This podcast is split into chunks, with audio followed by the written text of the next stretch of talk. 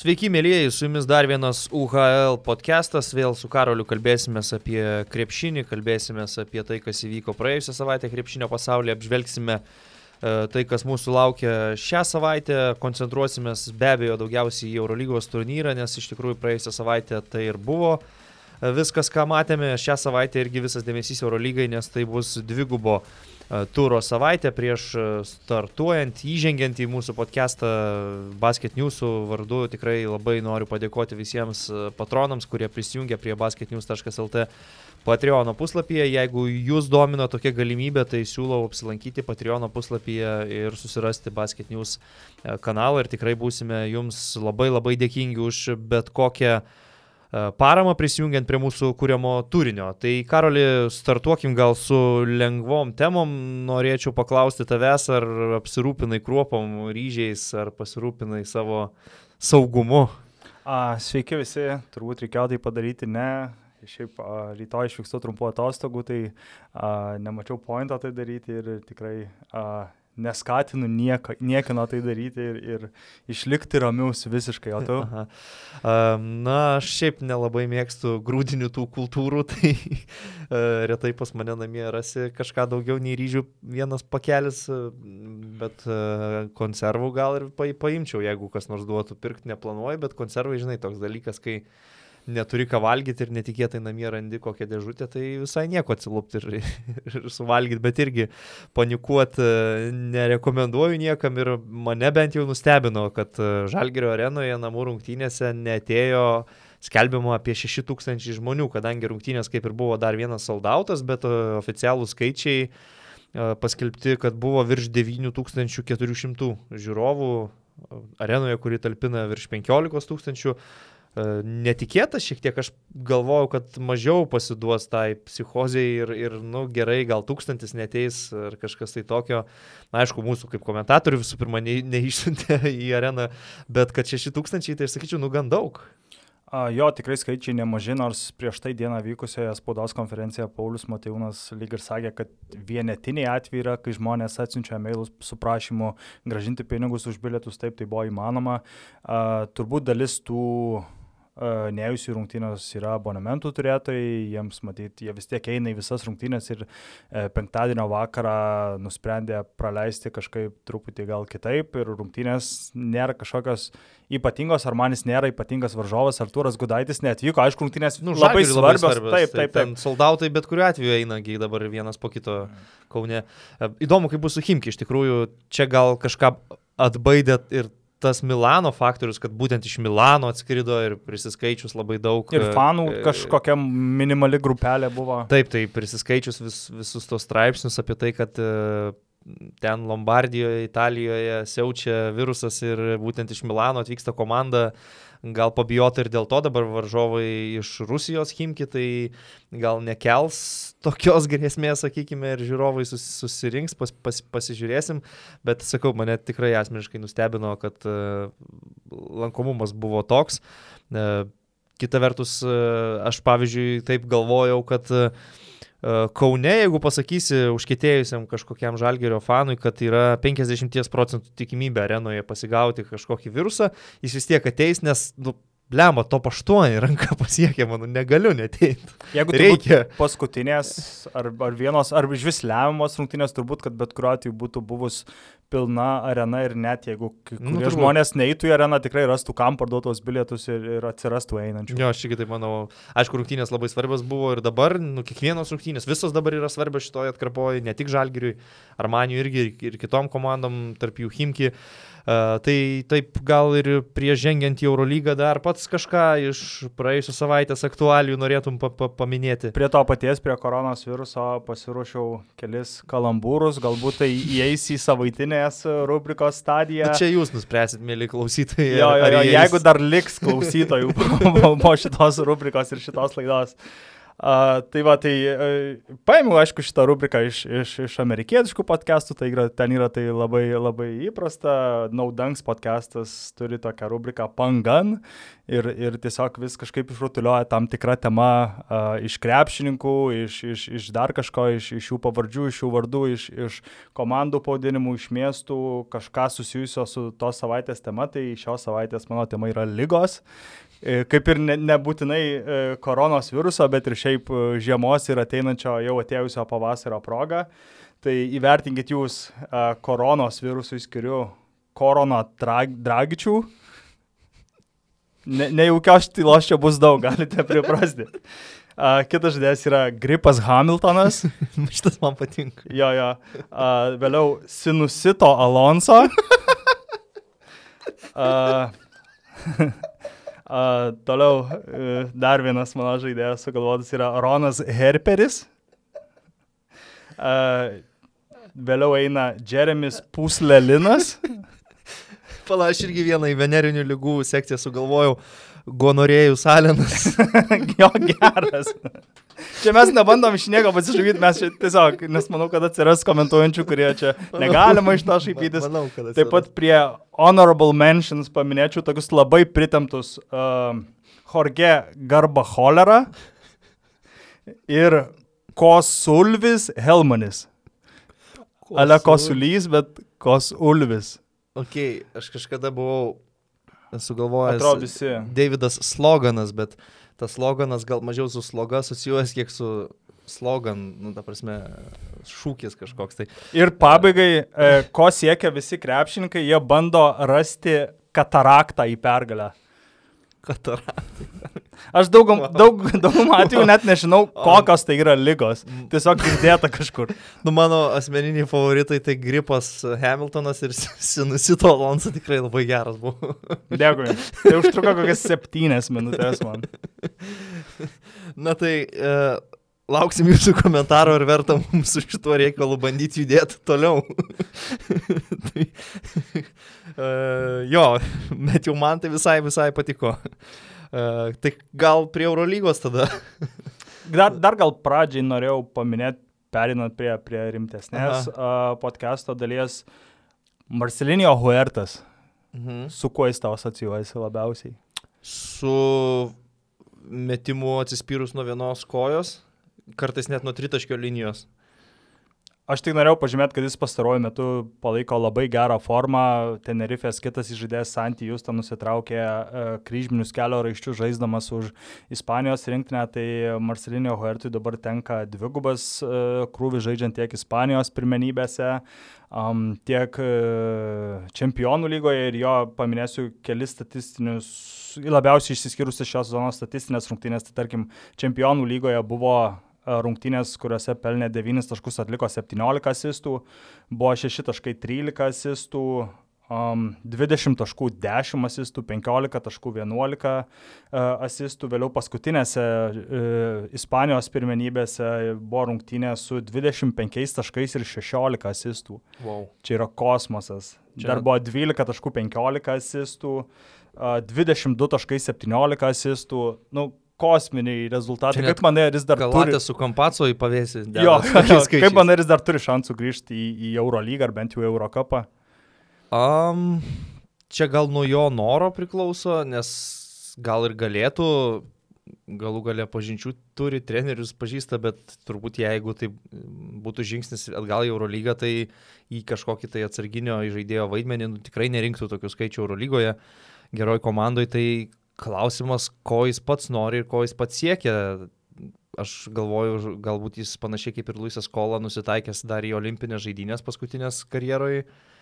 Ir e, tas žaidimas Ispanijos lygoje yra užtekti, ir dar plus FIBOS čempionų lygoje yra užtektinai tam, kad jis laikytų gerą formą ir būtų gerai pasiruošęs vasarai. Skola savo ruoštų uh, yra Eurolygos komandų, bet kaip mes matom, tokiam veteranui per sunku galbūt Eurolygoje išlaikyti visą sezoną gerą žaidimą. Tai ir Marcelinių Vertų gal būtų sunkiau Eurolygoje, bet, ką žinau, paskutinį kartą jis berots dar Vitorijoje žaidė, ar ne? Mhm. Eurolygoje. Paskonijoje, man atrodo, po Lakerių grįžęs. Taip, tai, nu, atrodė kaip toks pajėgus veteranas atsarginis įžaidėjas, tai gal ir dabar išlaikytų tokį patį lygį, nežinau. Bet skaičiai, kuriuos čia pavardinai, tai įspūdingi iš tikrųjų. Jo, Sakau, jo. čia mes dažnai stebimės, kai ten Kampaco, Kalatis surenka dvigubą dublį taškais ir asistais, bet 22 ir 17, tai čia visiškai, visiškai NBA skaičiai. Jo, ir 15-17, Mm. mm. pastaruoju metu tai jam visiškai prasti skaičiai.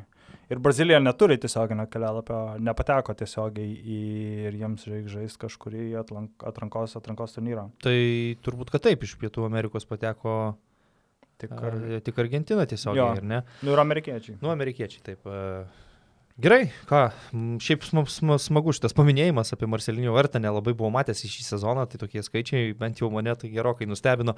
Uh, žiūrėkime į Eurolygą ir aš gal norėčiau apie praėjusią savaitę pradėti šį kartą ne nuo Kauno Žalgerio, o nuo rungtynių, kurios mano nuomonė buvo top 3 šio sezono rungtynės. Uh, man didžiulį įspūdį palikęs pirmasis graikų derbis šio sezono. Ten buvo fantastika, kiti keli mačai buvo įspūdingi, bet e, dabar CSK Barsa e, su didelėmis lygos žvaigždėmis, su Corey Higginso grįžimu į Megasport areną. e, Jam dar davė kažkokį prizą, ne? Jam?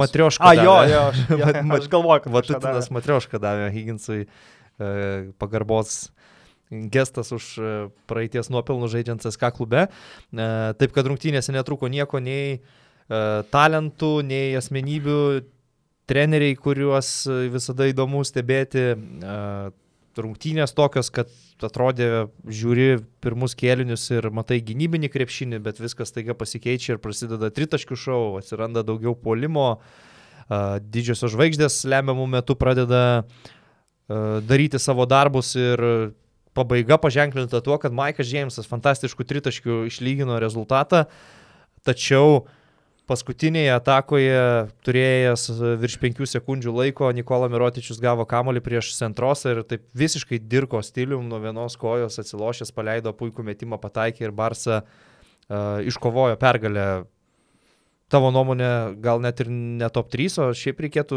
statyti kaip geriausias šio sezono rungtynės kol kas. Gal top 3, man atrodo, yra pakankamai tikslus įvertinimas tos, toms rungtynėms, kaip ir pats sakei, tikrai nei intrigos, nei, nei nieko iš vis netrūko tose rungtynėse, nei kovos, nei noro, nei, nei emocijų. Maikas Džeimsas pirmoje pusėje atrodė toks labai suirzęs, labai konfliktavo su teisėjais, net buvo pakeistas vienu metu, nors nebuvo susirinkęs nei pražangų, nei nieko, tiesiog, kad uh, nusiramintų ant suolo, atrodė, kad jau viską išpirko, tuo tritaškiu jau eisime į pratesimą, bet man taip ir atrodė, kad vat, šiuo metu, ypač susitinkant tokioms komandoms, kurios turi tą tokį aišku išreikštą lyderį, Džeimsas lygiai tokį patį, nu, ne lygiai tokį patį, bet lygiai tokios pačios svarbos metimą pataikė Žalgiriui. Dar Tai- su Nadolu buvo išvykui. Jo, jo, jo, tai tiesiog tokioms komandoms žaidžiant e, reikia iš vis nepalikti laiko jiems atakai, jeigu, jeigu nori būti garantuotas dėl, dėl pratesimo, nes e, kai tokie, kai tokie žaidėjai gauna kamuolį Mirotičius, Džeimsas, tu žinai, kad jie susikurs savo, savo lygiui tikrai pakankamai normalią situaciją išmesti ir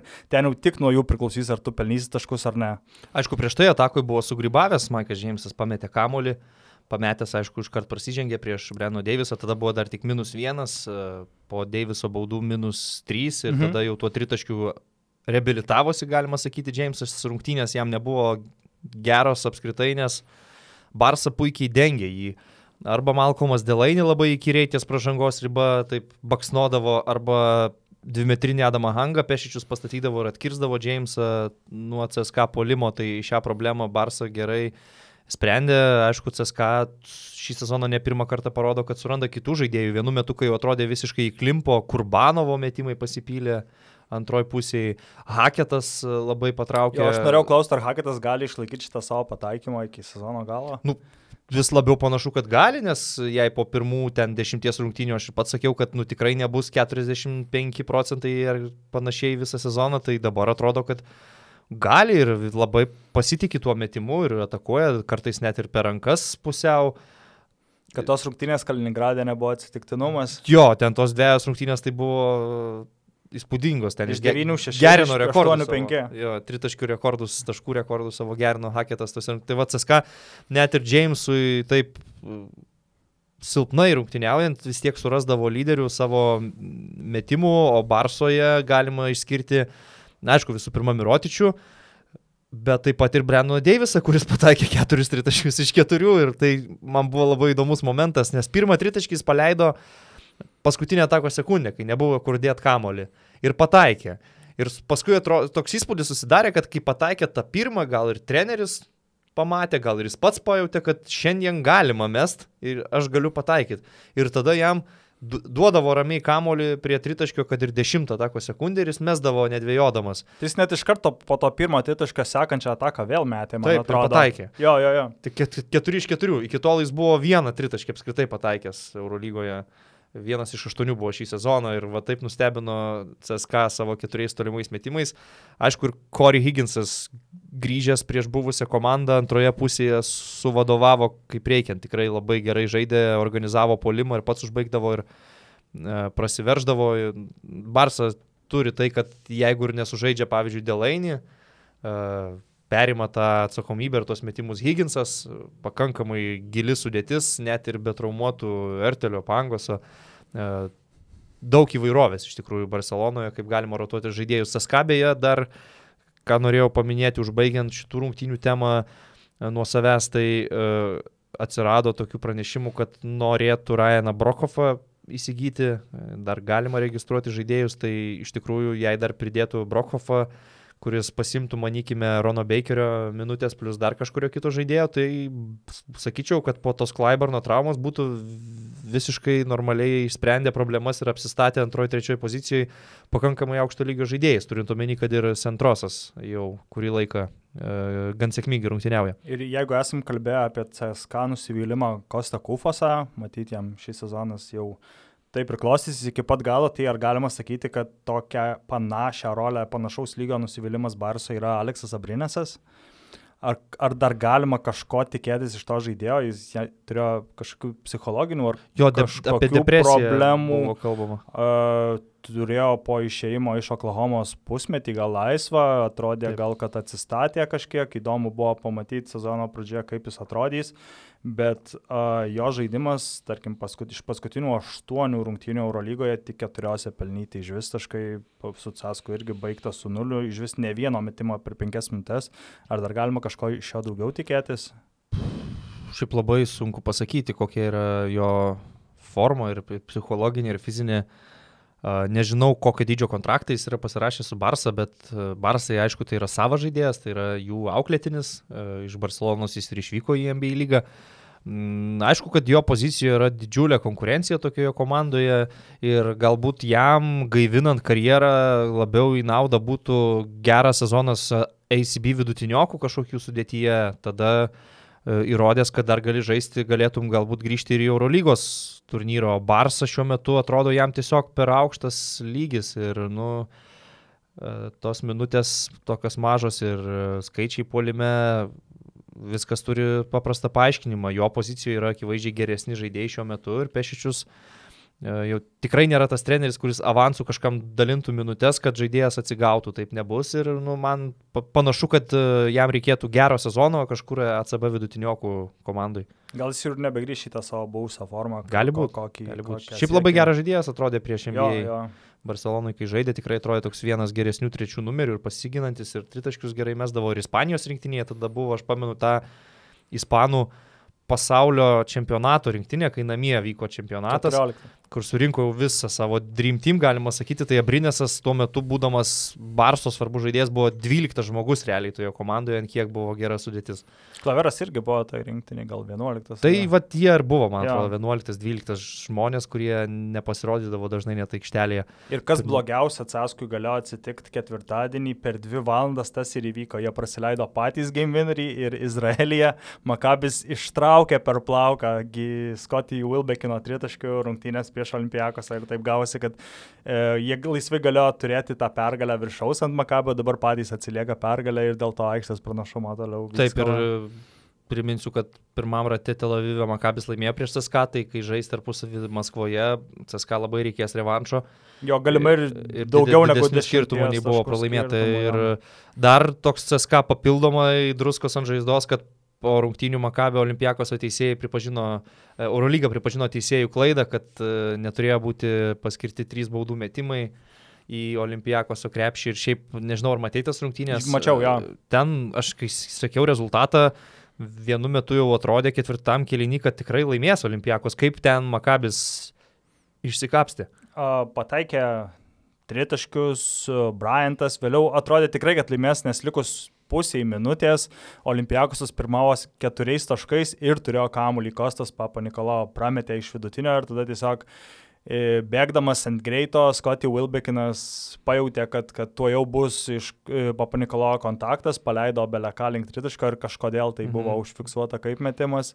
Mhm. Vėliau davė e, visiškai negarantuotam metikui Baldvinui ketvirtajam mesti baudas e, pirmaudami vienu tašku. Jis yra apie 65 procentų metikas, tikrai galėjo susirasti, e, man atrodo, geresnį žaidėją, kuriam galėtų atiduoti kamuolį tokiu momentu. Jis prametė vieną baudą ir e, Makabis puldamas, man atrodo, tas pats Baldvinas bandė padėti ant prasiveržimo ir atsitraukė nuo Scotty Wilbekino, jam numetė kamuolį ir čia jau jo duona pataikė tokius metimus apylaisvam, kad ir iš 7-8 metrų. Aišku, pačiam Olimpijakosui vis dar turinčiam tikslų pakovoti dėl aštuntuko irgi labai skaudus pralaimėjimas būtų labai tokia, net sakyčiau, bonus pergalė Tel Avive laimėti prieš Makabį. E, žinant ir Olimpiakoso problemas, aišku, klubas e, sprendžia problemas pasikviečiant vis naujų žaidėjų. Šį sezoną Olimpiakos viena daugiausiai galbūt žaidėjus keičiančių komandų Eurolygoje, gal ir net daugiausiai tų transferų jo, galimai, atlikusi. Ir uh, viena pavardė tai įdomi žaidėjas, kuris 14 taškų pelnė, Šakylas Makisikas. Nežinai, visiškai nieko. Tikrai nieko nežinau. Aš jį atsitiktinai. Wikipediją atsidariau, pamačiau, kad Šakų vadinamas tai. Aš jį atsitiktinai tiesiog mačiau, kai jis žaidė paskutinės savo rungtynės už Bešiktašą ir Bešiktašas tose rungtynėse išvyko į aplošę Nadolų. Ir man ten ir labiausiai įsiminė, kad ir gale baudas gali pataikyti mm. ir verštis su kontaktu ir pataikyti iš toliau. Man atrodo, pelnė virš 30 taškų tose atsisveikinimo rungtynės ir aš tiesiog iš ten į puikiai atsimenu ir čia įrodė, kad tikrai Eurolyga jam nėra per žemas lygis. Tai nemačiau per daugiau aukštas. to žaidėjo, a jo, atsiprašau, per aukštas lygis. Nemačiau šio žaidėjo, nors jis kaip man atrodo, prieš ar Lietkabelį, ar Neptūną žaidė čempionų lygoje du kartus, a, neteko stebėti, bet iš ten atsimenu ir tikrai ir šiose rungtynėse įrodė, kad E, kad gali čia žaisti, nes likus e, apie gal pusantros minutės svarbių momentų gavo kamolį ir užbaigė e, ataką dviem taškais su pražanga, tai padidinant persvarą Olimpijakos iki keturių ir atrodo, kad tikrai įtvirtina pergalę. Šiaip nemažiau dramatiškos iš tikrųjų buvo ir Žalgirio rungtynės su, su Milano Armaniu, kurios baigėsi po pratesimo 105-97, sakyčiau, tokia labai nežalgirietiško stiliaus pergalė, nebūdinga Žalgiriui laimėti. Nenuėmė taškų, nenuėmė taškų. ne, bet šiaip iš tikrųjų nebūdinga žalgiriui e, laimėti prieš tikrai talentingas komandas dėl to, kad patys pelno virš šimto taškų. Įprastai tai būna vis tiek rungtynės tokios e, labiau gynybinės, kur žalgeris kažkiek pristabdo varžovų polimą ir jų lyderius. Šį kartą taip tikrai nebuvo. Žalgeris nesusitvarkė perimetre, praleido daug metimų nuo Rodrygėso, nuo Micovo, paskui ir nuo amerikiečių, Crawfordo, Saikso. Ketvirtam kelinį, šiaip, kai liko apie 3 minutės, labiau galvojau, kad Žalgiris gali bandyti tiesiog revanšuotis didesnių skirtumų nei pralaimėta. Tai čia trim taškais, ne? Penkiais. Penkiais. Uh, okay. Taip galvojau, bet uh, tada Milanas sugebėjo išsigelbėti. Žalgiris turėjo 9 taškų peros pranašumą, bet ar man išplėšė uh, pratesimą, turėjo, aišku, Žalgiris paskutinę ataką, bet Volkapas nesuvaldė kamulio, suklydo, ten buvo ginčas, ginčio kamuolys pamuštas, niekas jau paskui krepšį nebemetė ir vyko pratesimas. Pratesimo metu Armani patyrė turbūt dvigubą pralaimėjimą, bet to, kad pralaimėjo rungtynės dar ir prarado Sergio Rodrygės. Gal net trigubą, nes skaičiau naujieną, kad jis gavo dvi traumas tas rungtynės. O dieve. Jo, jis jau prieš tai buvo momentas, kai išėjo iki Rubinės, paskui grįžo ir žaidė ir tada jau pratesimo metu, kai slystelėjo ir pasuko koją, jau tikrai patyrė traumą ir iškrito pagrindinis žaidėjas, be to komanda dar patyrė eilinį pralaimėjimą žaidžiant išvykoje. Po to Torė Mesina kalbėjo apie nesažiningą Eurolygos sistemą, kad e, NBA lengviau patekti į playoffus nei Eurolygoje, bet ne tas, aišku, yra įdomiausia. Įdomiausia buvo pats krepšinis, tikrai rungtynės labai atkaklius, labai permainingos. E, buvo pirmoje pusėje Žalgirio net 50 2 pelnyti taškai ar 53, labai aukštas rezultatyvumas iš tikrųjų ir kas man keistai atrodė, tai, nu, viskas aišku, kad rungtynės tokios atviros, daug tritaškių, dominuoja puolimas, tačiau man būtų įdomu, kokia buvo Torė Mesinos idėja, matant, kaip laužo gynybą trečioje pozicijoje Edgaras Ulanovas ir kaip pratesime Žalgiris naudoja akivaizdų mismečą Heizas prieš Crawfordą, nebandyti įmest Jeffo Brookso, kuris yra aukštesnis, turi ilgesnės rankas ir galėtų pasiginti, nes šiuo atveju atrodo, kad Crawfordą laikė dėl polimo, bet galiausiai dėl jo gynybos pralošė. Gal Jeffas Brooksas dar nėra pilnai atsigavęs nuo ten prieš porą savaičių patirtos traumos. Man žaidė irgi... 10 minučių. Jo, jo, tai kodėl negalėjo žaisti 17. Man keista, tu matai labai aišku mismečą, per kur Žalgiris tave daužo ir tu nebandai padidinti ūgio toj pozicijoje.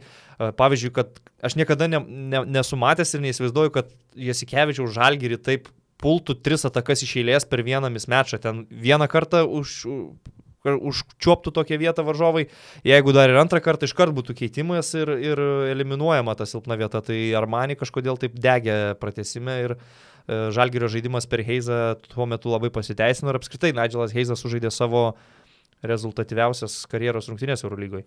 Keistai atrodė man tie Armanio sprendimai, kartais būdavo tokie visiškai, kaip praeitą podcastą kalbėjau, tokios neišprovokuotos klaidos lygoj vietoj, kaip pirmo kelino gale, e, perdudant kamuolį, Jokubaitis tiesiog perėmė ir įmetė iš pakrepšio, e, tada antro kelino gale, Biliga gavo nesportinę ir Žalgris už tai nu, nubaudė dvigubai, su, sumetė ir baudas, ir Melaknis pridėjo dvitaškinės. Antro kelino e, antroje pusėje italai jau atrodė, kad sulygino ir tempą, ir, ir rezultatą rezultatą ir gerai jaučiasi rungtynėse ir tada tiesiog Žalgeris per pusantros, per vieną minutę padarė greitą spurtą ir, ir išsiveržė į priekį 9-0.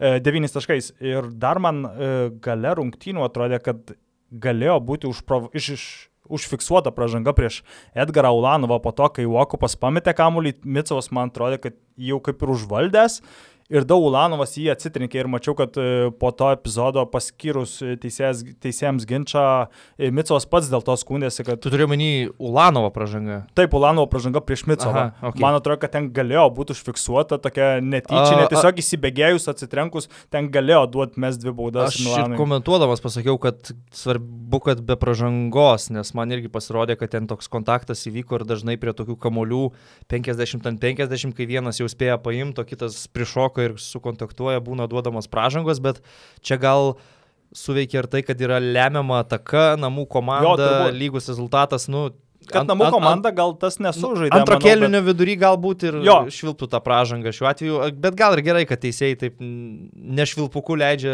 nu, nulemt. Nors drąsių švilpukų tikrai buvo ir ypač tos nesportinės pražangos. Aš jau esam tai kalbėję, kad, kad reikia ta, keistas taisyklės ir kad nežaidžiama į kamulį ir kad e, tam, kad žaidėjai negautų nesportinių pražangų, jiems reikia ne tai, kad žaisti kamuolį, bet apgauti teisėjus, kad jie žaidžia į kamuolį, nes kiek realiai kartų žaidėjai prasižengdami žaidžia į kamuolį. Kad būtent į kamuolį. Ką žinau, 20 procentų, 15 procentų pražangų būna, kad, kad tiesiog žaidžia į kamuolį, bet tarkim mm. nepataiko ir liečia į ranką. Tiesiog sportininkai yra, nežinau, gudrus žaidėjai ir, ir jie žino, kada ir kaip prasižengti. Ir aš ne, nelabai suprantu, kodėl būna fiksuojamos tos pražangos, tiksliau, kodėl yra sukurta tokia sistema leidžianti fiksuoti tokias pražangas kaip nesportinės. Jo, man irgi šiuo atveju tik tiek, kad nu, taisyklės yra ir teisėjai be jokių dvigubų standartų visiškai vienodai vertino tas situacijas ir Armanio ir Žalgirio, bet pavyzdžiui, Volkapas prasimeta kamolį pro gynybą, pro tarpą ir tada jį užlaiko jo, jo, jo. biliga. Tai jeigu jis nebūtų to kamolį prieki pasimetęs, o kamolys dar būtų prie rankos ir taip pat užlaikytų, tai jau nebūtų nesportinė pažanga, suprask. Tai, nu jo, aš eilinį kartą galiu tik pasakyti, kad man tai neimponuoja visiškai tai, ką turime Europoje su nesportiniam pažangom. NBA visos, visi šitie epizodai būtų paprastos eilinės pražangos, be jokių vaizdo peržiūrų netgi ir žaidimo stabdymų. Dabar dar ir tos peržiūros jos buvo ganėtinai ilgos, visos trys. Ir tos nesportinės yra pakankamai uh, skausmingos pražangos, nes tu ne tik, kad iš esmės gauni du taškus, bet dar ir kamulį. E, tai paprasta pražanga, nežaidžiant į kamulį, bet nedarant visiškai jokio, tarkim, e, skausmingo varžovui kontakto. Baudžiamos lygiai taip pat, jeigu, tarkim, išeitų koks nors žaidėjas ir iš kojos spirtų varžovų į pilvą. Nu, tai irgi būtų lygiai. spirtų į pilvą diskvalifikacija. Taip, bet manau, tai vis tiek būtų tik du metimai ir kamuolys. Nu jo, Lygiai tas pats. Plus žaidėjas eliminuotas. Taip, taip, taip. Bet, Bet omeny- jeigu, vat, kaip būna, pavyzdžiui, kur tikrai yra nesportinė, alkūnė į veidą kontaktas, uh, tai jo, lygiai tokia pati Lygiai tas nesportinė, kaip pats. vat Rokas Jokubaitis taktinę pražangą padaro prieš Nedovičių, ten Nedovičius dar suktuką. Jo, jo, jo, ten savo, savo Serbišką padarė ir, ir nesportinę. Nu, bet jo, viską galiausiai išsiaiškino žaidėjai. Žalgiris savo pranašumą įrodė pratesimo metu. Labai nervingai viskas e, susiklostė. Vėlgi noriu pagirti Edgarą Ulanovą, kuris tikrai po naujųjų metų demonstruoja labai aukšto lygio žaidimą. Aš asmeniškai net ne, negalvojau, kad jis gali ilgesnį laiką rinkti tokius skaičius Eurolygoje. Galvodavau, kad tai yra galbūt specifinių matšapų žaidėjas, bet dabar jis prieš bet kurią Eurolygos komandą pradėjo rinkti taip maždaug 13 ir 6, kas yra labai rimta iš lengvo krašto pozicijos ir na, žinant tai, kad Ulanovui tai yra paskutiniai e, kontrakto metai Kauno Žalgirėje, aš manau, kad jis labai kelia savo vertę ir jeigu taip toliau vasarą gali būti rimtų įdomių pasiūlymų iš kitų Eurolygos komandų netgi. Uh, va, tai žalgyriečiai savo iššūkį atlaikė, dar viena svarbi pergalė prieš tiesioginius konkurentus, šį kartą nepavyko pridėti ant viršaus dar ir to revanšo didesnių skirtumų, nes priminsiu, jei nežinote, sužaidus lygiai 40 minučių, jau pratesimo skirtumas nebesiskaičiuoja, taip kad Armani šiuo atveju tarpusavį išsaugoto savo plus 4. Nor, nes yra buvę įdomių Taip, precedentų. dar Ušafakas Makavičius sukūrė šitą re revoliuciją dar pri- privertė pakeisti tą įrašą. Jo, jeigu Likus minutį jau nustojo žaisti, pradėjo mėtyti plytas, tiesiog išlaikyti kamuolį 2-4 sekundės ir nieko nedaryti. Jeigu ne, nematėte ar pamiršote, tai YouTube yra išlikus ta medžiaga, galite parašyti Makabi Darušafaką, Crazy Ending ar kažkaip taip ir, ir rasit ir nu, ten tikrai uh, linksma iš dalies, bet iš kitos pusės ir labai kreivai atrodo tai, kas vyko tuo metu ir Eurolyga būtent tada priemė pakeitimus, kad eliminuotų tokias, uh, tokias pabaigas. Tai Tai va, dabar gal uždėjo ten kažkiek. tiem klubam? Jo, jo, jo. nepamenu, bet būtų logiška. E, Tai va, šią savaitę visų pirma Žalgiri žaidžia antradienį namie su Himki, vėlgi komanda, kuri tiesiogiai konkuruoja dėl aštuntuko. Ir paskui bus žaidžiamas su Zenitu išvyko į Sankt Peterburgė. Tai žiūrint į mačą su Himki, aš e, taip galvoju, kad net kad ir Himki dabar atrodo atsigavę, aš manau, kad prieš jo žaisti būtų parankiau prieš kokias dvi ar tris savaitės, kaip pats Žalgiris e, irgi dar buvo jau solidžios formos. E, Dabar Himki atrodo tikrai atsigavęs, stabilesnis žaidimas, pagerino gynybą. E, Jerepko, kuris galbūt pirmoji pusėje atrodė kaip iš NBA atvykęs, bet ne visai pritampati žaidėjas, dabar at- at- labiau panašus į Eurolygos elitinį krepšininką, ketvirtos pozicijos daro taškus, žaidžia labai rezultatyviai. Galbūt kažkiek Rimas Kurtinaitis e, ir su Aleksėjum švedu surado bendrą kalbą, pasikvietė ir naujoką Robinsoną, iš tikrųjų, sakau, jų gynyba dabar atrodo žymiai stabiliau ir aš, kai spėliojau, taip galvojau, kas turėtų užimtas 7-8 vietas pagal dabartinį vaizdą, ką matau, įs- įsirašiau Fenerbakčią ir Himki, nežinau, ką pats galvoji. Valencija dar yra tas varžovas, kuris, kurie ir be žaidė gan įdomias rungtynės su Feneriu.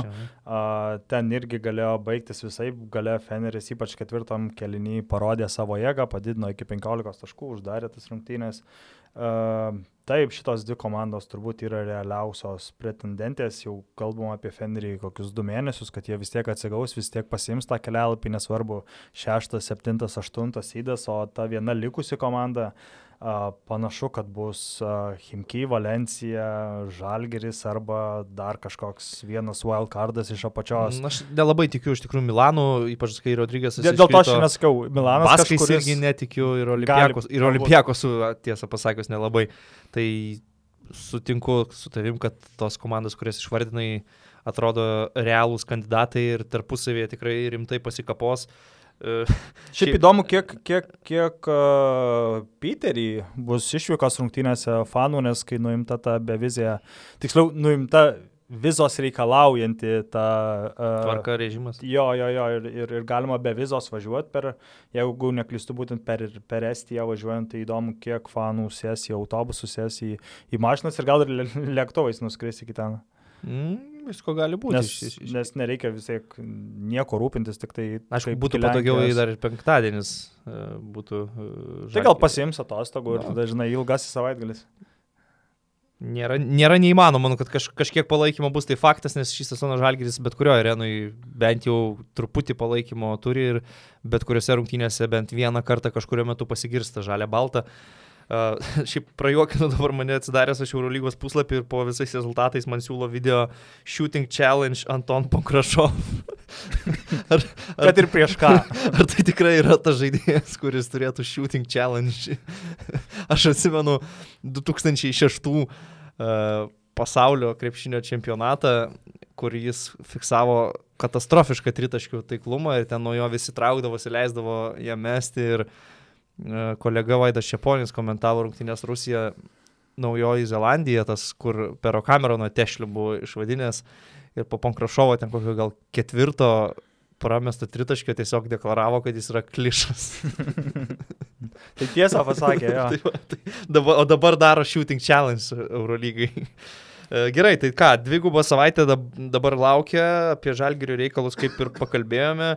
Žvelgiant į kitus mačius, tai neišvengiamai akis krypsta į graikų dervį, galbūt jis lentelėje e, dabar kitokią prasme įgauna, nes Panatinaikos yra kur, kur kas geresnėje pozicijoje, bet čia turbūt, kai sustinka šitos dvi komandos, ypač dabar, kai šį sezoną tų mačų tik tiek ir yra, kiek Eurolygoje žaidžia, e, į lentelę mažai jau kas ten žiūri ir, ir bus žaidžiama rimtai, bus žaidžiama visų šimtų procentų ir šį kartą namie Olimpijakosas. Jo, tikrai eis abi komandos į karą, nesvarbu, e, kad jeigu viena iš jų būtų ir pirma, kita turbūt ten, kur nors gale, gale gulėtų vis tiek eitų kapotis ir, ir nesitaupys tikrai. Taip, dar paminėsiu Armanį Realą, rungtynės įdomios ir to, kad Milanas žais be žiūrovų. Priimtas sprendimas, tai ta, to savų fanų faktoriaus neturės, tiesiog bus žaidžiama tuščioje Mediolanų forum arenoje. Uh, visada man, bent, man asmeniškai liūdna, kai dideli sporto renginiai vyksta tuščioje arenoje ir girdisi, kas karėkauja, kaip uh, bateliai trinasi į parketą ar ten futbolo aikštėje, treneriai ką šūkauja. Uh, liūdna man dėl to, nes kai žiūri, tada susiformuoja toks draugiškų kontrolinių rungtynių uh, vaibas ir nesižiūri, net jeigu yra geras krepšinis. Tai... Bet sakė, Asvelis rado gerą išeitį. Asvelis rado išeitį jo, nes Asvelis ten Prancūzijoje priimtas sprendimas, kad ne, negalima organizuoti renginių, kur masinių renginių, kur 5000 arba daugiau žmonių susibūrė E, Asvelio arenoje telpa apie 5,5 tūkstančio ir jie nu, tam, kad išspręstų problemą, e, tiesiog paleido pardavimui tik tai 4,5 tūkstančio bilietų ir nebus 5 tūkstančių žmonių arenoje. 4,5 aišku tam, kad bus dar žaidėjai, įvairūs personalas, teisėjai ir kad neperlipti tų 5 tūkstančių. Uh, išsprendė va taip šitą problemą. Dar Makabis Efesas, aišku, turėtų būti įdomios rungtynės, jos vyks uh, E, Tel Avive ir kažkurį dar vieną mačą buvau užmatęs, taip, e, Panatinaikos CSK irgi Atenuose. CSK dabar labai reikia pergalių, o jeigu dar žiūrėk, Pau nugalėtų Olimpijakose ir CSK per šitą dvigubą savaitę, tai ja. atsirastų grėsmė net ir nuo penktos vietos kristi iki šeštos Rusijos klubui. Jo, e, jau ne kartą esam kalbėję apie, apie lentelės viršuje įsitvirtinusias komandas, tai dabar yra visiškai oficialu, kad e, Anadolų, Realas ir Barsa yra neliečiami, jie tikrai nenukris, nes e, patikrinau Realų ir Barsai likęs tvarkarštis, tai jie žais tarpusavį Barcelonoje ir visos likusios kitos komandos yra e, žem, žemesnio lygio. Tiek pat Asvelis, Zvezda, Alba, Bayernas, Zenitas ir taip toliau. Tai Makabis niekaip jų nepasivys. Jo, tai akivaizdu, kad realų nėra jokių šansų. Taip. Lieka išsiaiškinti, kas liks antri. Tai turės progą ir savo mėl klasiko ir aišku, kas geriau rinks pergalę žaidžiant su kitom komandom. O Anadolu, Asvel dar, oi, atsiprašau, Anadolu, FS dar norėjau paminėti, kad uh, taip tykiai, tykiai, tyliai ir uh, žaisdami net ir Belarkino e, laimėjo išvyką prieš Albert, tai buvo 19 pergalė per paskutinės 20 rungtynių. Wow, čia yra. Čia įspūdinga serija, wow. tikrai, tikrai įspūdinga serija. Nu, Himki Fenerbak čia dar irgi bus įdomu, prieš tai aišku svarbu, kaip abi komandos sužais savo pirmus mačius per dvigubą savaitę. Himki bus Kaune, o po to ir tarpusavėje žais Mityšiuose Himki su, su Fenerbakčia. Tai va toks žvilgsnis į į šią Eurolygos savaitę, gal turi dar kažką pridėti? Uh, skaičiau naujieną, kad turkai neįsileidžia Virtusą žaisti Eurocapo rungtynių. Įdomu, kaip ten. Eurolyga iš... grasina techninių pralaimėjimų jeigu nenuvyks klubų, jeigu nenuvyks, ar ne? Jo, jo, jo, ir ten yra lemiamos rungtynės, laimėjusi komanda pateks į, į kitą etapą, jeigu neklystu. Tai įdomu, kaip ten viskas išsi, uh, išsispręs. Jo, Eurocapas, aišku, sugrįžta, Vilniaus rytas sužais savo paskutinėsias rungtynės namie su Stambulo Galatasaraju ir rytų jos jau nieko nebelėmė, Galatasarajui dar yra svarbios, aš tiksliai net nežinau, ko ten dar reikia jam, kad išeitų laimėti prieš rytą ir kad palankiai susiklostytų Kazanės mačas su Monaku, ar ne? Jo, kad Monakas turbūt turėtų kažkiek pralošti ar kažką. Nu, jo, tai vat, bet turbūt daug dėmesio tam ir neskirsime, nes ir tai tiesiog rytų atsisveikinimas Eurocapų ir nestipriausios sudėties, atrodo, planuoja žaisti Vilniečiai ir, nu, kaip sakė Dainis Odomaitis, žaisim dėl fanų, dėl tų, kurie susirinks mūsų palaikyti, pasistengsime gerai užbaigti savo sezoną Europoje. Tai, tai Eurocapas grįžta, bet šiuo atveju Lietuva Lietuvos aktualijoms tai mažai turi įtakos. O šiaip kas labiausiai turėtų būti suinteresuotas, kad baigtųsi visas šitas chaosas su koronos virusu, turbūt yra Lietuvos krepšinio federacija. Nes tarkim, jeigu būtų atšauktos olimpinės žaidynės, ar, ar federacija yra garantuota, kad FIBA jam gražintų tos sumokėtus pinigus už atrankos turnyrą? Tas atrankos turnyras, aišku, keltųsi į kaž, kažkokią, kažkokią datą. Bet jeigu pačios olimpinės būtų tiesiog atšauktos. Uh, nu geras klausimas. Įdomu, gal FIBA ten... organizuotų kokį emergency turnyrą? Arba FIBA sakytų, tai, tai vis tiek žaiskit, gal kažkuri komanda gaus kelialapį į olimpiadą, kurios nevyks. Neįsivaizduoju, bet aišku, nu, čia sporto visam kalendoriui, visom federacijom ir lygom yra baisus dalykas atšaukinėtas rungtynės, atšaukinėti televizijos transliacijas, visi praranda pinigus, patiria nuostolius. Uh, klubai nuo parduotų bilietų ir futbolas jau kenčia nuo šito krepšinis, dar kol kas mažiau paliestas, bet irgi gali būti, aš tai tikrai laikau kumščius, kad tie didieji vasaros renginiai e, išliktų e, savo vietose kalendoriui, tai yra Europos futbolo čempionatas, olimpinės žaidynės, nes, nu, labai sujauktų visą, vis didžiulį chaosą sukeltų tame įprastame sporto toj rutinoj. Jo, jis jau dabar yra sukeltas kai kurias rungtynės prancūzų, prancūzų vietinis čempionatas atšaukė. Italų. Italai atšaukė ir kai dabar tas e, čempionatas ir tvarkaraštis yra dar labiau suspaustas dėl busimų olimpinių, kad viską reikia pabaigti iki vasaros pradžios.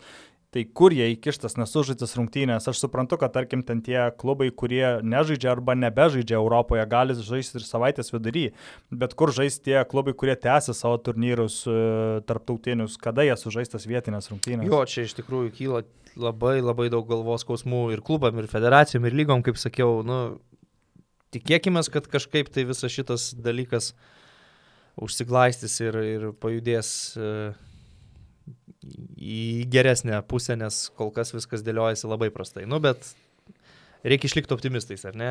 Jo, gal per daug čia kreipiam dėmesio ant tokių pašalinių. jo, jo, jo labiau mes ne kokie virusologai, nenusimanom, kaip ten plinta tas virusas, mes tik matom tuos sprendimus, kurie yra skelbiami ir priimami lygų bei, bei klubų.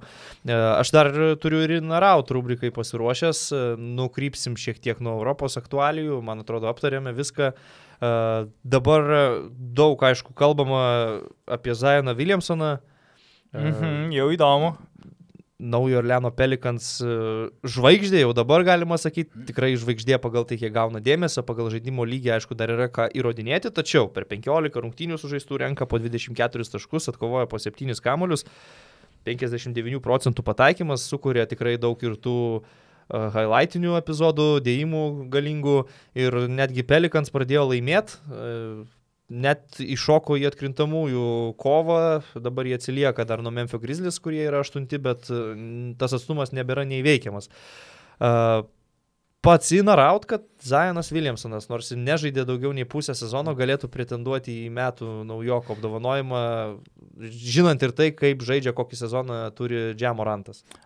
Nujaučiu už tą klausimą, kai tik pradėjai kalbėti apie, apie Zajoną Williamsoną. E, šiaip seku tą temą, nes esu a, susilažinęs, kad Zajonas taps metų naujoku. E, aš galvoju, kad Jis neturėtų tapti, man atrodo, kad vis tiek turėtų laimėti nežinau, ar taip galima sakyti, sveikas protas. Tas žaidėjas, kuris žaidė dalį rungtynių, labai mažą dalį palyginus, nes man atrodo, dabar Smags gali sužaisti gal 40 ar 38 rungtynės, tai vis tiek būtų praleidęs daugiau negu pusę sezono, neturėtų net šansų pretenduoti į tą apdovanojimą. Man atrodo, Žemorantas yra nusipelnęs jo ir, ir nėra taip, kad jis tiesiog yra mažiausiai blogas pasirinkimas iš visų likusių, jis žaidžia žiauriai gerai, e, gal, galimai bus ateities NBA veidas, e, tiek jo atletiškumas, tiek jo e, sprendimai puolime, perdavimai, metimai, viskas. Ir komandos rezultatai jo, jo, jo. pranoksta visas prognozes. Jo, Memphis yra viena iš tų komandų, kartu turbūt su, su Torontu, su Dallasu, su dar kai kuo, kurios labiausiai peržengė tuos savo uh, spėjimus prieš sezoną, dar gal kartu ir, ir su Oklahoma. Jo. Uh, jiems tikrai nebuvo žadamas ne tik patekimas į playoffus, bet net ir buvimas arti to. Tai dėl to aš esu out, bet aš lygiai tuo pačiu suprantu, kad NBA yra visai, visai kita sfera negu, negu Europoje. Ir aš tikiu, kad e, NBA žurnalistai ir visi turintys teisę tam uh, rinkti, rinkti tuos žaidėjus gali užšokti ant to hypo traukinio ir jeigu uh, pelikanai aplenktų Memphį ir patektų vietoj jų į playoffus kaip tas aštuntas įdas ir beje, visa Amerika laukia pi, pirmos ir aštuntos vietos playoffų Lebronas prieš Zajoną. Mhm. Dėl to tikiu, kad būtent Zajonui gali būti tas apdovanojimas. Moranto komanda laimėjo prieš Lebroną. Lebroną Memphis kaip tik šviežiai įveikė. Jo, Lakerius. o, o Lakeriai e, pralašė nuo, nuo Pelikanų šią naktį, bet aš tik... Ne, ne, nuo, nuo, nuo Memphis pralašė. Ne, o, ai, šią naktį laimėjo prieš Pelikanus, taip, atsiprašau, taip, taip. jo. Tai a, aš nemanau, kad turėtų duoti Zajonui, bet aš tikiu, kad jam duos. Mhm, aš, aš irgi esu visiškai out nuo to, kad duotų.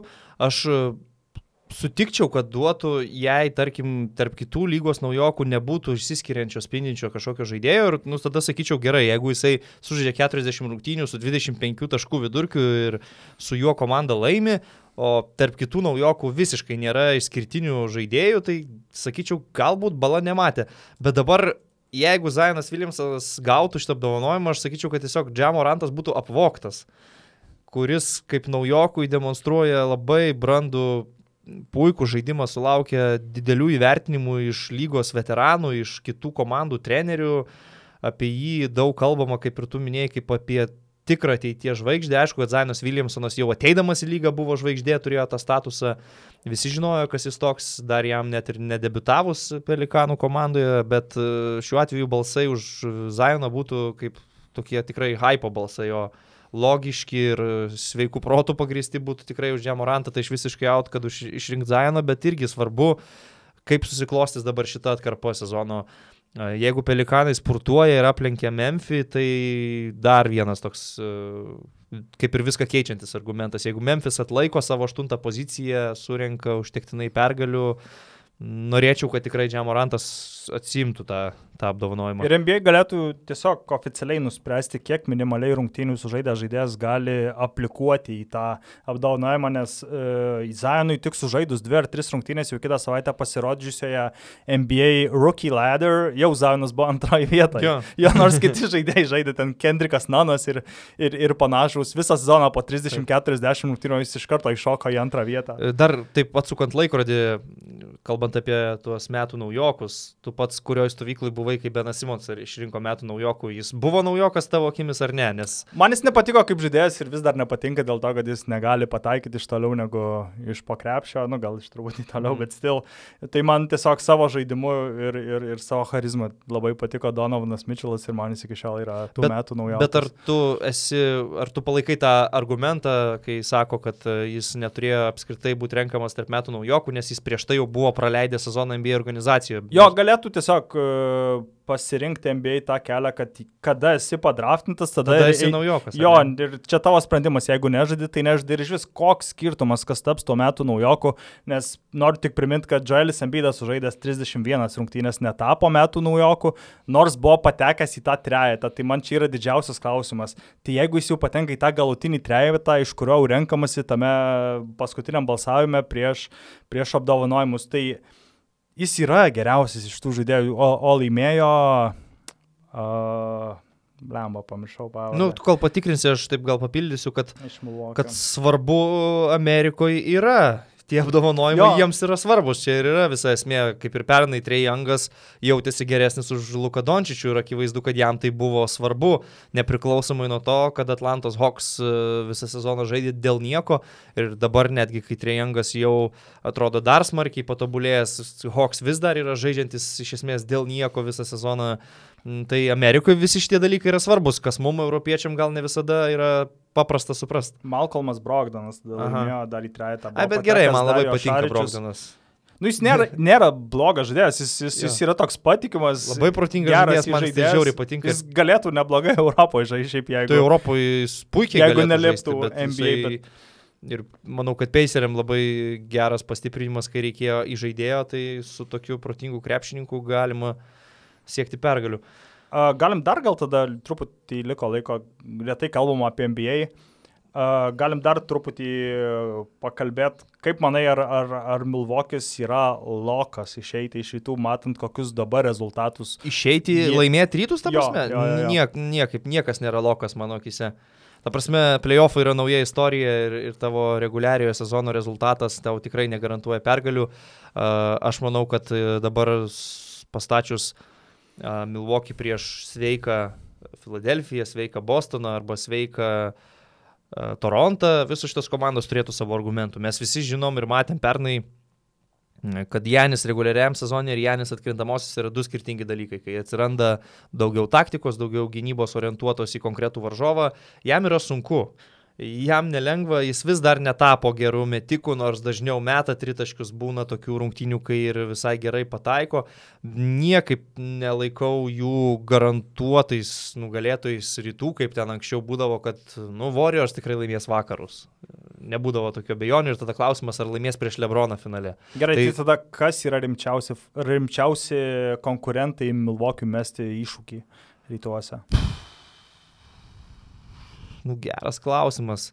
Filadelfija aš netikiu. Aš irgi netikiu, aš net... Filadelfija aš ne... Žinai ką, uh, aš einu su Bostonu. Bostonas, jo. Torontas mano lūkesčius perspjauna tikrai gerokai ir sekamas puikiai atrodo ir komanda labai gerai žaidžia, bet irgi mažiau jais tikiu. Dar ir dėl to, kad Markas Gasolis nebebūtų toks geras, koks buvo pernai ir gynyboje stabdant būtent atėto kumpo. Ypač svarbus buvo ir Marko Gasolio vaidmuo uždarant baudos aikštelę. Tai Torontų irgi netaip stipriai tikiu, o Bostonas aš manau, kad galėtų ras savo argumentų. Gerai sukomplektuota komanda irgi turi labai patobulėjusius lyderius. Kemba Walkeris puikiai pamaina Kairį Irvingui ir nebėra tos toksiškos aplinkos, kuri formuodavos aplink Kairį. Su tokiu teitumu, koks jis dabar yra, kodėlgi ne. Aš prieš sezoną irgi netikėjau Milvokio šansais ir sakiau, kad Filadelfija išeis iš rytų, aš dabar jau jais irgi nebetikiu. Jie dabar yra penktoje vietoje ir jeigu joje arba dar nukris žemiau į šeštą, liks. Nebent Šeikas Miltonas toliau po 40 taškų rinks. Uh, jo, vakar, vakar paro- 39 parodė savo klasę. Tai tiesiog aš netikiu, kad Filadelfija be aikštės pranašumo laimėtų visas tris serijas. Man atrodo, kad jie gali net ir pirmos serijos nepereiti, jeigu reiktų žaisti su Miami, nes Taip. kaip, kaip, kaip atrodo, kad e, jau ne pirmi metai būtent Miami'e komandoms yra žiauriai sunku žaisti. Taip, be namų pranašumo eiti į seriją niekada nėra gerai. O aš irgi ir- spėčiau, kad gal Bostonas būtų rimčiausi favoritai, Torontų netikiu, nes kaip ir pats Kawhi išėjo, dar um, Siekamas ne, nemanau, kad yra tiek patobulėjęs, kad galėtų visą savo komandą ant savo pečių ištraukti iš, iš rytų konferencijos, o Bostonas turi patirties, ne pernai, užpernai, bet turi patirties, jie buvo per vienas rungtynės, per pusę kelinio uh, nuo patekimo į NBA finalą be Kairi Irvingo ir be Gordono Haywardo. Ir be Šeino Larkino. ir kuris to buvo irgi. traumuotas tada. Ir galima netgi paimti taip, e, pažiūrėti nuo tų rungtynių septintų Bostono su Cavaliers, kiek stipriai patobulėjo konkretų žaidėjai. Tai yra Teitumas. Jailenas Braunas tapo daug stabilesnis, daug geriau pataiko tritaškius. Markusas Martas pradėjo pataikyti tritaškius, kas tuo, tuo metu uh, nelabai egzistavo jo žaidime. Net ir Danielis uh, uh, Hais, Danielis Taisas? Taisas, jo, atrodo, kad labai gerai pritampa. Puikiai, labai tinka Bostone, jo. šitam stiliui NBA dabartinio krepšinio. Nors Eurolygoje tik tai Bambergė, man atrodo, žaidė net ne pačiai Taip, Bam. Bambergė žaidė jo. Uh, ir tas apsistatymas, toks Bredas Stevensas labai partingai suvaldęs yra komanda ir suranda vietos visiems krepšininkam. Iš esmės tai yra taip, stovi žaidėjas Kemba Walkeris, tada stovi trys lengvi kraštai, kurie viską gynyboje gali keistis, Teitumas, Braunas, Haywardas ir e, mobilus e, vidurio polėjas Danielis Taisas, kuris labai kovingas, kovoja dėl atšokusių kamuolių, pataiko vidutinio nuotolio metimą, gali ir tritaškį paleisti. Tai šiuo atveju Celtics ne tik su Kairi Irvingo išvykimu puikiai susitvarkė pasimdami Kemą Walkerį, bet ir Elo Horfordo perėjimas į Filadelfiją kažkaip nelabai jiems kirto, nors Mhm. atrodytų prarado baudos aikštelę žaidėją, bet išsisprendė visą tai su daugiau atletiškumo, daugiau mobilumo ir, ir atrodo puikiai. Ir rytuose panašu, kad ne tik pirmas įdas yra aiškus, bet ir antras, trečias. Bostonas žais turbūt su Torontu, tik neaišku, kuri komanda turės pranašumą. Ir tada tarp ketvirtos, penktos, šeštos dar visko gali įvykti ir dar galim tada persikel trumpai į vakarus. Kas manai, gali mesti rimčiausią iššūkį Lakeriams? Ar Lakeriai iš vis yra to nuomonė tai- favoritai? Mano ne, mano ne, mano favoritai Kliperiukai? yra toj pačioj arenui. Ir man atrodo, kad viskas turėtų spręstis būtent konferencijos finale tarp Clippers Lakers. Aišku, dar yra rungtynių reguliariam sezonui ir Clippers reikia rinktis tas pergalės, nes Denverio Nuggets yra visiškai šalia, Houston Rockets dabar ant bangos. Jo, bet- Utah, Oklahoma, Dalsas visos yra. bet per- aš per. Tikiu, kad nueis iki konferencijos finalo du Los Angeles klubai ir bus turbūt beprecedentis įvykis, kad e, net ir sep- septynios rungtynės vyktų toj pačioje arenoje vis, visą seriją. Tik tai rūbinėm visą tai atsikeistų. Aha, ir, ir nu, logotipas e, arenos vidury keistųsi ir turbūt ten bilietų iš, iš, iš, iš paskirstimas kažkaip, tai nežinau, klipas. Jo, ten esu pasakęs abi, apie abi komandas, tai ir Taip, taip. e, kliperiam žaidžiant namuose nuimtų tos visus banerius Taip. e, čempionatų laimėtų. Tai va, uždėtų. tai mano akise Clippers uh, yra favoritai prieš Lakers, nors to neparodo reguliariojo sezono bendri rezultatai, nors tarpusavio rungtynės beje laimi. E, Dar čia galiu panonsuoti, kad, atsiprašau labai, e, kitą sekmadienį, tuo europinių laikų, kaip tik Los Andželo derbis 22.30, tai manau e, bus į ką pasižiūrėti. Clippers padarė gerų ėjimų ir vasario mėnesį dar, dar pastiprinant, mano nuomonė, ir taip jau pakankamai gilę sudėtį. Jie pridėjo Reggie Jacksoną, kuris duoda gynybos labai agresyvus žaidėjas, kažkuo panašus į Patriką Beverly, bet dar ir polime daugiau gali su kamoliu e, daryti taškus, verštis, e, turi tokių šiek tiek ir Vesbruko savybių. E, Ir dar pridėjo Markusą Morisą, kuris tikrai sustiprina ketvirtą poziciją, kurioje iki tol žaidė Mo Harklesas, toks žaidėjas visiškai nieko neįsiskiriantis. Tai apsistatė šalia to, ką jau turėjo dar stipriais pajėgiais veteranais ir einant į atkrintamąsią su toks sudėties gilis yra labai svarbus. Pas tave nuo suolo kyla Lou Williamsas, e, Montrezlas, Herelas, plus dabar dar ir Reggie Jacksonas. E, Tai reiškia, kad tokia komanda net ir vienos traumos atveju vis tiek išlieka stiprus kontenderis, kai nemaža dalis kitų komandų dėl vienos traumos prarastų labai daug. Na, aišku, Lakers yra didelė jėga, Deivisas, Lebronas, nu, neįmanoma nuvertinti tokios komandos. Ir Kawai su Pidži e, nežaidė labai daug rungtynių kartu, tai. Taip. kai kurie apžvalgininkai tai mato kaip problemą, bet uh, turbūt geriau yra ne iki galo parodyti savo tas visas kortas, viską atšlifuoti, nežinau, treniruotėse ir e, tiek Kawai, tiek Pidži daug maž, nu ypač Kawai, visą karjerą ir buvo tie, kurie nesiekė kažkokių išskirtinių apdovanojimų reguliariojo sezono metu. Taip, Ir- Džordžas tik po 29 minutės žaidžia. Jo, ir praleido tikrai ne vienas rungtynės tiek Taip. back to back, tiek ir šiaip e, eilinės rungtynės reguliariojo sezono metu. Ir turbūt, kad e, gale pasibaigus karjerai galbūt kažkuriem iš šių krepšininkų trūks va, tų pasiekimų tiek MVP, tiek All NBA pirmos, antros komandos, kad jie e, pasibaigus karjerai būtų vertinami kaip top 5, top 10, top 15, bet akivaizdu, kad dabar svarbiausia komandoms yra uh, Žiedai. Jo, žiedai ir įdomu, jeigu Kawai laimėtų žiedą ir taptų finalų MVP, kur jis istoriją nugultų su trečia skirtinga komanda laimėjęs žiedą ir gavęs MVP. Čia būtų įspūdingas laimėjimas. Uh, Šiaip Dokas Riversas, jo tokia yra politika taupyti žvaigždės reguliariojo sezono metu, jis pats to neslėpia, iš tikrųjų yra ir daugiau panašių trenerių. Gregas Popovičius, tarkime, irgi yra šalininkas to, kad reikia pataupyti žaidėjus, kai pasitaiko tam gera galimybė. Aš manau, kad Clippers reguliariam sezonė neparodo savo gynybos pilno potencialo, nes jų rodikliai gynyboje kol kas nėra niekuo išskirtiniai NBA lygos kontekste, bet atkrintamosiose aš manau, kad komanda su Beverly, su Džordžu, su Kawhi Leonardu, e, su Herelu tikrai pajungs tą tikrąją atkrintamųjų gynybą ir juos pralaužti bus žiauriai sudėtinga. Tokie universalų žaidėjai, nu, vien jau ką reiškia vienoje aikštelėje Kawhi su Paulu Džordžu, tai yra įspūdinga. Aišku, kaip ir sakiau, kitoj pusėje Deivisas Lebronas, nu irgi kažkokia fantastika. Jo, bet, bet man atrodo, kad, kad kliperiai geriau apstatyti, būtent aplink šituos du geriau apstatyti, kai Lakers tie pagalbiniai žaidėjai, nu pavyzdžiui, Kailas Kuzma, kiek jis bus geras atkrintamosiose, ką jis dabar daro reguliariam sezonui, išeina, pataiko metimų, ar jis galės tai padaryti stabiliai playoffų sunkioje serijoje, ar galės kiti pagalbiniai ten Rondo, Howardas, Magy duot kažką tokio. Greenas. Taip, Danny Greenas. Tai man atrodo, Clippers geriau apstatyti aplink tas dvi žvaigždės. Nu ir pabaigai, bet kas tik ne Houstonas. Bet kas tik ne. Jo, tai čia šimtus procentų. Tai mano dar netgi šlapės sapnas būtų, kad e, dabar tai nelabai gali susidėlioti, bet kad Oklahoma su Krisu Polu pereitų playoffų serijoje Houstonas su Westbrook. Teoriškai gali susidėlioti, nes Oklahoma dabar yra šešti, Houstonas ketvirti, jeigu pakiltų iki trečios vietos, mm. tada ga, galėtų. Tai, va, čia man tai būtų visiškai topas, jeigu Oklahoma su CP3 nu, nu, nukaltų Houstoną, nors nelabai to tikiuosi, bet labai norėčiau to, bet jo visiškai pritariu. Labai nenorėčiau, kad ta Houstono Rockets idėja triumfuotų playoffuose. A, tai gal tiek. Jo, aš, aš manau, kad tiek NBA palėtėm ir iš tikrųjų jau padarėm tokį žvilgsnį į ateitį, nes atkrintamųjų varžybų metu tikrai nemaž, nemažą dalį podcast'o skirsim NBA reikalams kol kas e, e, reguliarus sezonas ir mes susikoncentravę į tai, ką daugiau žiūrime, e, nes NBA reguliaraus netiek daug pastebime. Tai vad, kaip visada laukiam jūsų komentarų, pastabų ir nuomonių.